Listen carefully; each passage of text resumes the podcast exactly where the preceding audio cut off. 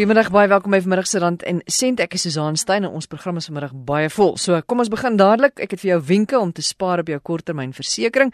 Ons gaan kyk hoe jy jou kontantvloei kan verbeter en ons begin met data-integriteit. Hoe dit jou raak en hoe dit jou onnodig geld kan kos. Nicoline Skuman Lou is van Skuman Law ingelyf en Nicoline Data-integriteit soos wat ek dit nou verstaan is al daai inligting wat 'n mens het of of daai boodskappe wat jy aanlyn of nie wag het ek vir jou vra die term data integriteit waarvoor gebruik ons dit en wat beteken dit Wel ons moet kyk na na hoe die wetgewing dit omskryf en data of 'n data boodskap word omskryf as enige boodskap wat essensieel elektronies gestuur word of dit 'n e-pos is, 'n 'n WhatsApp boodskap, 'n SMS, enige boodskap wat in daardie kategorie val is 'n data boodskap. So as ons praat van data integriteit, praat ons van die integriteit van die boodskap wat op hierdie manier uitgestuur word. Met ander woorde, is dit reg?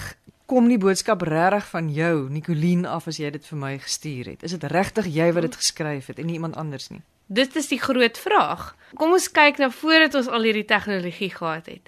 As ons wou sê dit is nie eg nie of hierdie boodskap is nie eg nie, dan het ons gekyk na 'n handgeskrewe brief in die goeie ou dae. Ons het dit uitgedruk en ons het dit laat analiseer deur 'n uh, ontleder, 'n handskrif ontleder. En die persoon sou dan vir ons gesê het, ja, die persoon het hierdie boodskap geskryf. Later het ons nou tikmasjiene ensovoorts gekry, maar dan het ons vingerafdrukke geneem want jy moes tog aan die papier gevat het en so het jy dan jou identiteit ingeplaas op die dokument. En ons kon sê ja, vir hierdie redes is dit deur hierdie persoon geskep. Vandag sit ons agter 'n rekenaar en nie eens in dieselfde jurisdiksie nie. Ek kan hier sit in Suid-Afrika in Kaapstad en die persoon aan die ander kant kan sit in Amerika iewers. So wie, hoe weet jy wie sit agter daardie skerm en is regtig besig om hierdie boodskap vir jou te stuur? Jy hoop dit is wie jy dink dit is. Maar is iets wat ek amper voel besig is om toe te neem dat mense in iemand anders se want ek kan mos nou gou-gou jou foon vat as jy nou uitgaan badkamer toe. En dan kan ek mos nou gou vir iemand 'n boodskap stuur en ek kan vreeslike goed kwytraak soos wat ons nou onlangs gesien het met 'n versekeringsmaatskappy uh, waar iemand in iemand anders se naam boodskappe gestuur het met rassistiese aanmerkings en dit het geweldige reperkusies tot gevolg gehad. Dit is verskriklik gevaarlik en ek dink baie van ons as individue as ook as as in besigheid dink ek is maar net ek. Wie weet van my bestaan niemand sal so iets met my doen nie. Ek's nie 'n 'n publieke figuur of iets soos dit nie. Of miskien is my my besigheid is maar klein. Ag, wie wie weet nou eers ons bestaan. So mense verkeer onder hierdie wanpersepsie dat niemand weet ek bestaan nie, so dit sal nooit met my gebeur nie. En ook baie onlangs het ons gesien baie klein besighede op die Weskus wat slagoffers was van van hierdie tipe dinge en ehm um, wat gijslaar gehou word met betrekking tot jou data wat gesteel word en dan moet jy betaal om dit weer terug te kry. So daar's allerlei misdrywe wat hier uitspruit. Maar jy kry nou die geval van iemand wat jou data steel wat ons mm. nou oor gaan praat, maar dan kry jy ook ek wil graag hê jy moet vir my 'n hek maak en ek en jy kom op die, op die, op per e-pos oor een jy gaan vir my die hek maak vir R5000 en op 'n dag sê jy vir my maar ek het nooit dit gesê nie.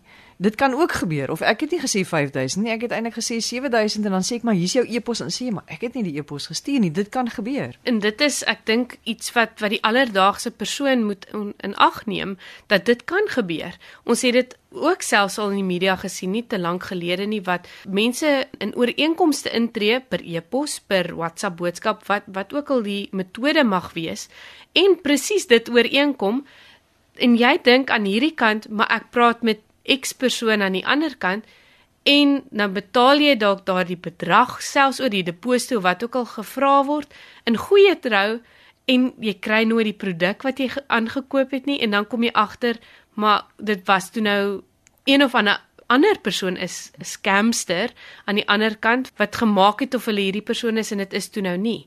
So dit is as ons praat oor die integriteit van die data, is dit baie belangrik. Dit gaan oor die identiteit van die versender of aan die ander kant die ontvanger. Dit is baie belangrik. Hoe kaap jy iemand anders se data? Wel kyk, ek dink die ouens wat op die tegnisiteite 'n bietjie sterker is, sal ons presies seker kan sien hoe hulle dit sê hoe hulle dit doen. maar essensieel word jy gijslaar gehou of jou data word gijslaar gehou en uh, jy jy moet betaal om dit terug te kry. So eendag skakel jy jou rekenaar aan by die werk en dan staan net 'n boodskap wat sê uh jy moet ek soveel uit betaal in hierdie rekening is, is eintlik gewoonlik in in Bitcoin. Met ander woorde, dit is nie in 'n wisselkoers wat algemeen bekend is in die tradisionele stelsel van geldwissel nie. So dit is iets wat jy moet aankoop en die feit van iets soos Bitcoin is, sodra jy dit betaal het, daar's geen manier wat jy die ontvanger kan opspoor nie. Dis absoluut anoniem. En dit is een van die groot redes hoekom hoekom dit dan nou gebruik word in die konteks. So daar's geen manier om die ouens te vang wat die tipe ding doen nie. So al wat jy kan doen is om seker te maak dat jou sekuriteitstelsels goed genoeg is dat hulle nie inkom in die eerste plek nie. Nou dis wat ek jou wil vra want jy het vir my gesê ons moet hierdie gesprek hê oor data integriteit want jy sien dit al hoe meer en meer in jou kantoor dat dit besig is om 'n groot probleem en 'n kwessie te raak vir baie mense. So hoe moet ons onsself wat sê die wetgewing eerstens? Ons moet onsself beveilig, maar waar begin dit? Begin dit by wetgewing? Begin dit by iets wat ek moet doen? Dit is nie net iets wat wetgewing kan oplos nie, dis uh, dis iets prakties wat ook gaan moet verander ons gaan meer attent moet raak as verbruikers van tegnologie. Ons gaan moet seker maak dat jy jou eie data beskerm, redelike stappe neem, verander jou wagwoorde op 'n gereelde basis. Moenie dit soos jy ATM pin, moenie dit neerskryf en by die kaart sit nie. Jy weet sê hierdie basiese praktiese stappe hou jou wagwoord 'n geheim. Maak seker dat jy dit neerskryf, maar nie iewers waar iemand dit kan bekom en in elk geval op daai manier inkom nie. Maak seker dat jy jou selfoon iewers los dat dit 'n wagwoord op het dat iemand nie net dit kan neem en boodskappe namens jou stuur asof dit jy is nie. Selfs met jou rekenaar. Al voel jy dis in 'n veilige omgewing. Die groot ding wat die die kenners vir ons sê is pas op vir Wi-Fi netwerke. Pasop vir hierdie oop gratis Wi-Fi netwerke. Dit is waar jy die die mees kwesbaarste is. Is dit as jy iewers in 'n restaurant gaan sit en jy kry hulle Wi-Fi wagwoord, moet 'n mens dit eintlik nie doen nie. Jy moet dit eintlik nie doen nie of jy moet kennis hê hoe om jou foon of jou laptop of wat ook al jy gebruik op die netwerk te beveilig sodat jy nie kwesbaar is wanneer jy dit gebruik nie. So glad nie of jy moet seker maak jy dit verantwoordelik gebruik. So ek dink dit is een van die stappe ons moet prakties meer ervare word ons moet weet hoe hierdie goed werk en ons moet stappe neem.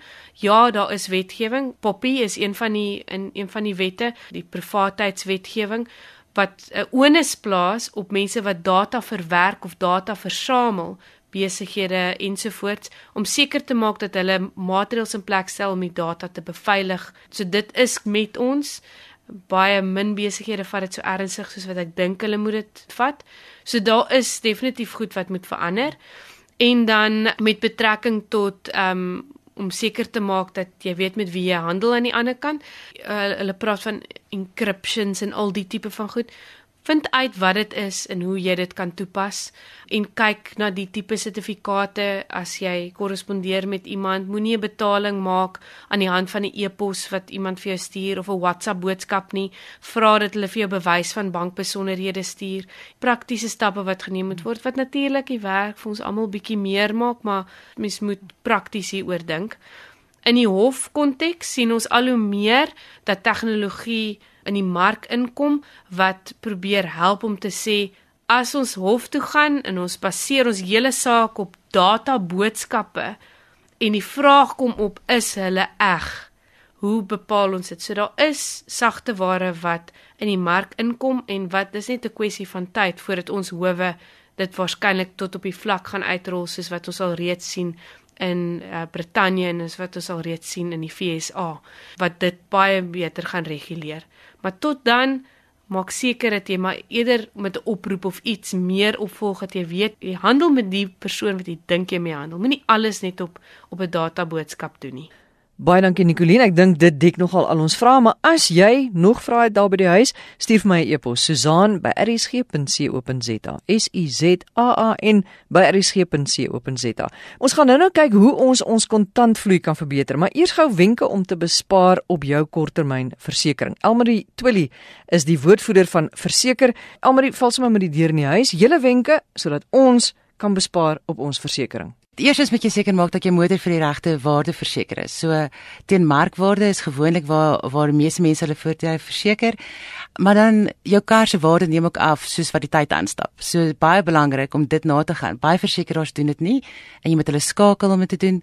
So ja, so dit is belangrik dat jy dan by 'n versekeraar is wat elke maand jou markwaarde vir jou nagaan en seker maak dat jy vir die regte waarde verseker is. Maar dan wat van jou huisinhoud? Die geheim vir vir 'n laer premie is daarin dat jy eintlik elke maand jou of 6 maandeliks jou inventaris in jou huis moet nagaan. So skryf jy goederes op wat jy bygekoop het, haal die goederes af wat jy nie meer gebruik nie of weggegooi het en maak seker dat jou huis inhoud dan vir die regte waarde verseker is. Onthou jy moet dit verseker vir vervangingswaarde en nie waarvoor jy dit gekoop het nie. Dis baie belangrik. Ja, maar, maar ek sukkel geweldig baie daarmee want weet jy al daai klomp klein goedjies wat 'n mens het jy weet dit is lepeltjies en dit is 'n bordjie hier en 'n koppie daar en 'n kledingstuk en 'n boek. Hoe op aarde gaan jy tred hou of 'n lys kan hou van alles wat jy besit? Daar's baie versekerings wat inventarislyste het en jy is meer as welkom om hulle te skakel en hulle te vra. Hulle hulle gaan dit dan vir jou e-pos en jy kan deur daai lysie dan werk. En dis maar gemiddelde bedrag wat jy daarin invul. So dit hoef nie presiese bedrag te wees nie, maar op die ou en dan moet jy tog in ag neem dat jou TV wat 10 jaar oud is, om dit vandag te gaan vervang, gaan jy nie meer R500 kos nie. So jy moet dan maar self daai bedrag gaan invul en in die berekening dan ongelukkig doen. So jy moet eintlik die hele tyd op hoogte wees van wat goed kos. Die sofa of die rusbank, die televisie, die mikrogolf, die ketel. 'n Mens moet dit ongelukkig doen, ja, sodat jy kan seker maak dat jy vir die regte bedrag verseker is. So teen die tyd as jy 'n huis inbraak het en jy daar word geëis, wil jy tog uitbetaal word om al daai items weer te gaan vervang. So dis baie belangrik dat jy vir die regte bedrag verseker is dan.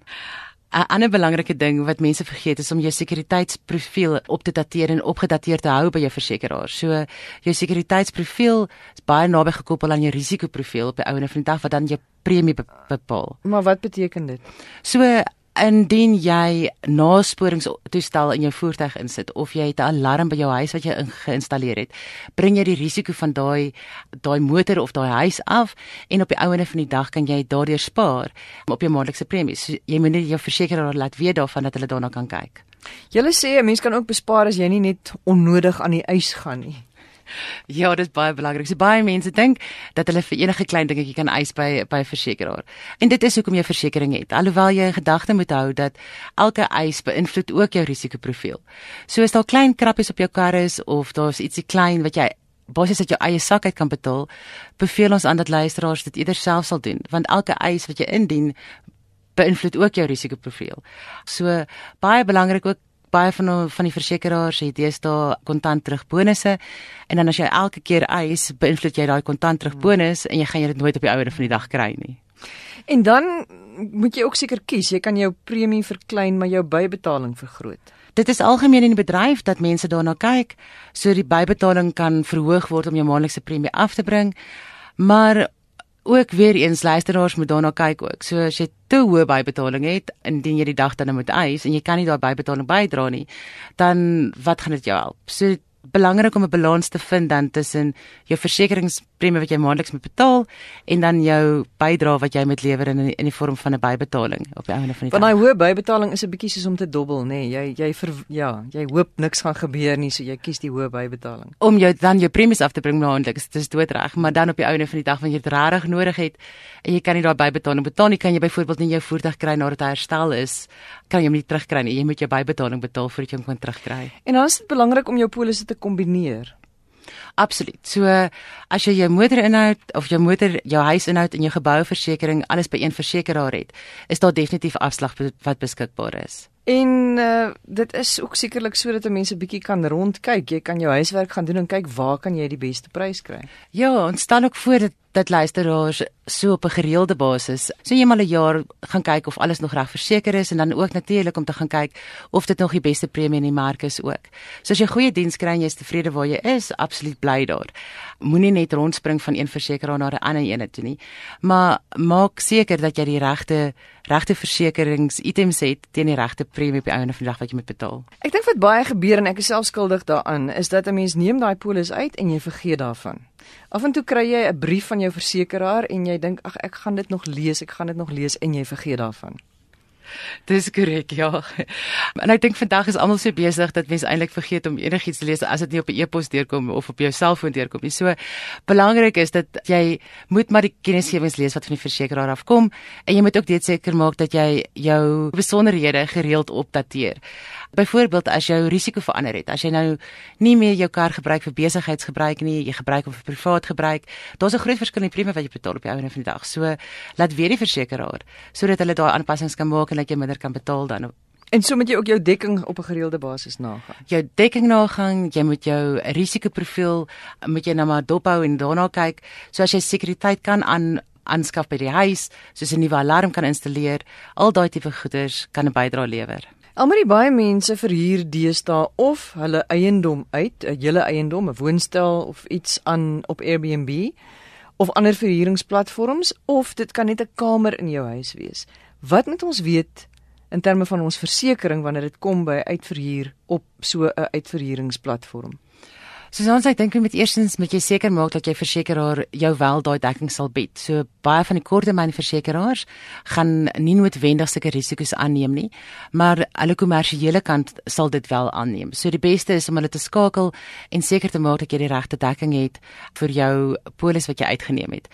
En indien nie, vra hulle. Hulle gaan vir jou definitief raad en advies advies kan gee oor wat die beste dekking is. Want anders kan jy jou in 'n situasie bevind waar jy sê nou maar jy het 'n woonstel en jy verhuur dit uit aan 'n persoon en daar word ingebreek dat die versekeraar sê oor maar jy was nie op daai oomblik daar nie en dit was 'n toerist wat in jou huis was. So absoluut. En dan is daar geen dekking vir jou op die einde van die dag nie. So groot skade wat jy kan ly So as jou profiel dan verander, moet jy jou versekeraar laat weet. Onmiddellik laat weet. So baie mense ehm um, ry 'n motorvoertuig byvoorbeeld en jou seun verjaar en jy gee hom vir hom vir sy 21ste verjaarsdag, maar jy verander nooit die gereelde bestuurder op daai voertuig nie. So en as jou seun dan ongeluk maak, is daar geen dekking vir jou nie. Elmarie baie dankie, baie nuttige wenke wat jy nou weer vanmiddag met ons gedeel het. Dit is Elmarie Twilly. Sy is 'n woordvoerder van die versekeringsmaatskappy Verseker die mense wat jou in Afrikaans bedien. Nou is Matthys Potgieter by my in die ateljee. Hy is 'n skuldkenner van DebtSafe en Matthys, jy het vir ons wenke om ons kontantvloei te verbeter. Ons wil almal so graag hoor wat hierdie wenke is. Ek dink die eerste ding wat jy moet doen is gaan gooi 'n ordentlike oog oor jou bankrekening. Gaan kyk na jou staat tel op om te sien presies op wat spandeer jy wanneer die meeste. Daar is tendense, daar's patrone. Wees bewus van jou patrone, wees bewus van jou lekkasies wat daar is per maand in jou in jou finansiële lewe. Ek weet ons praat altyd van begroting. Begroting is verskriklik belangrik, maar op die ou ende is kontant koning. So jy moet gaan kyk watse kontant het jy fisies beskikbaar elke maand en leef binne daai kontant. Want sodra ons begin ons basiese benodighede soos kredietnuursware of petrol of enigiets soos dit op krediet koop, dan weet ons ons betaal meer vir daai produk op die ou einde van die maand as wat ons eintlik daarvoor moet betaal. En gewoonlik daai is vir ons groot rooi ligte om te weet dat die persoon is moontlik in finansiële probleme want dan begin ons buite ons vermoë lewe. So baie belangrik is om mooi te gaan kyk wat is jou standaard uitgawes per maand? Wat jy weet wat elke maand afgaan byvoorbeeld jou huislening of jou huurinkomste, versekerings, mediese fonds, weet presies wat daai is tel dit op, maak seker dat daar altyd finansiële ruimte is daarvoor. En dan wat kan jy ook elke maand bespaar? Besparing is een van die groot krisisse wat Suid-Afrikaners nie doen nie. Ons betaal eers alles uit en dan die klein bietjie wat oorbly, dit gooi ons dan moontlik in 'n spaarrekening in.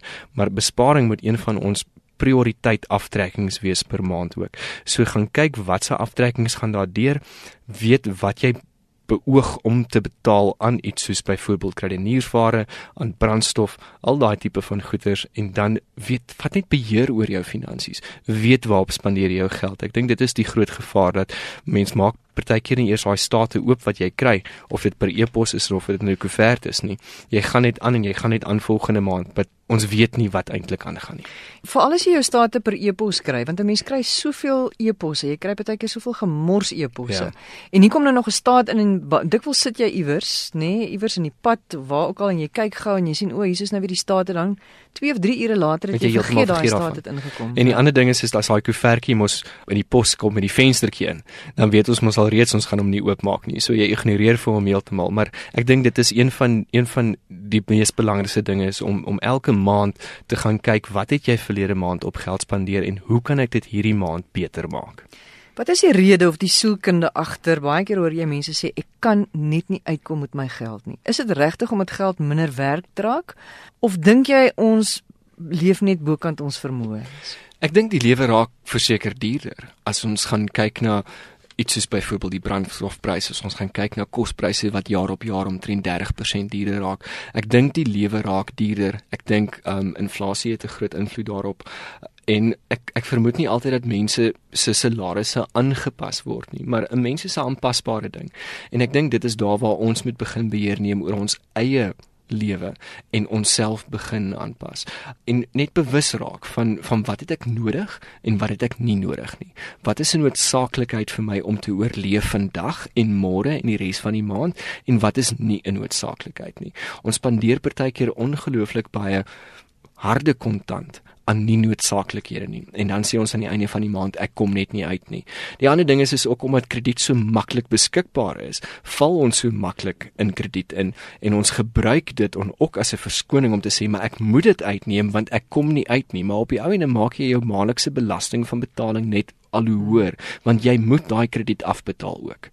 Matthys, as iemand vir jou sê Matthys, ek kom nie uit met my geld nie. Goed, plan 1 is dan om te gaan sit en te sien waar gee jy te veel geld uit en hmm. en jy weet leef jy bokant jou vermoë. Maar dit kan ook wees dat daai persoon net maar meer geld moet verdien. Ja, ek dink ons moet verstaan waantoe lewenskoste gaan. Ons moet verstaan waantoe ons as individue wil groei. Ons het almal drome. Byvoorbeeld, jou droom is dalk om einde van die jaar of vroeg volgende jaar op 'n seerse vakansie te gaan kom, gaan of of jy 'n nuwe kar te koop of 'n nuwe huis te koop. En ons moet bewus wees van daai, maar dan moet jy ook weet jy moet beplan daarvoor. As jy die ruimte het om meer te kan werk. As jy byvoorbeeld iets soos vryskut is, dan weet jy dat jy moet meer ure insit want jy gaan meer kontant aan die einde van die maand het. As jy byvoorbeeld iemand is wat 'n vaste inkomste het, dan weet jy jy moet kyk na alternatiewe. Daar is nog ekstra ure in die dag. Hoe kan jy daai ure op die ouene in rande en sente omdraai sodat jy jou vermoë finansiële vermoë kan groei maand tot maand? Want ek glo nogal daaraan dat 'n mens nie jouself noodwendig moet inperk as dit by geld kom nie. Want hulle sê mos as jy jouself die hele tyd inperk en jy wil nie geld uitgee nie, dan uh, groei daai stroom ook nie. Jy moet dit swaaf die ja, stroom. Ja, dis maar 'n energie ding, nê? Ehm um, as ja. jy die hele tyd aan aan skuld gaan dink en aan aan inperking dink, dan is dit wat gaan gebeur. So 'n mens moet moet dink aan die positiewe en die positiewe groei daarvan. So ek dink op die ouene is dit eintlik 'n kopskuif wat mense gaan moet maak om te sê dat dit is wat ek nou het. Dit is my vermoë op die stadium, maar volgende maand of die maand daarna wil ek daar wees en dit is wat ek aktief gaan doen om daarby uit te kom. Ons almal het drome en ek dink ons moet nooit dat ons finansies ons drome inperk nie, maar ons moet realisties wees oor wat kan ek doen en wat kan ek nie doen nie. En belangrik, ons moenie skuld maak nie. Moenie skuld maak nie. Skuld is iets wat ongelukkig en ons sien dit elke dag by Debt Safe hoe dit mense se lewe direk beïnvloed, hulle lewenskwaliteit beïnvloed, hulle verhoudings beïnvloed, hulle emosionele toestand beïnvloed, sielkundige toestand beïnvloed. So moenie skuld maak nie en as jy reeds skuld het, moet jy weet daar is ruimte en daar is plekke wat jou kan help daar buite. Klop aan by plekke, kry raad, kry hulp. Een van die belangrikste wenke wat ek daar dadelik vir mense kan gee is wanneer jy gaan kyk na jou skuld wat jy reeds het en jy kyk na die rentekoerse van kredietprodukte wat jy het, betaal eers die produkte af met die hoogste rente, want dit is daar waar jy jou geld spaar. Jy weet dat jy nog steeds al die ander gaan moet betaal want dit is 'n ooreenkoms wat jy gesluit het, maar kyk waar betaal jy die meeste? Wat is die hoogste rente? Betaal dit eers af en werk dit dan so af. Ons almal wil op die ouene skuldvry lewe. En ek dink as jy in die oggend kan opstaan en jy weet jy het nie enige worry oor enige skuld nie, is dit regtig 'n nuwe dag vir jou. En die ander ding is skuld is baie duur. Skuld is duur. Skuld is verseker duur. Baie dankie Matthys Potgieter. Hy is 'n skuldkenner van DebtSafe. Onder die e-posadres susan@rsg.co.za stuur gerus vir my 'n e-pos met jou vrae en jou voorstelle.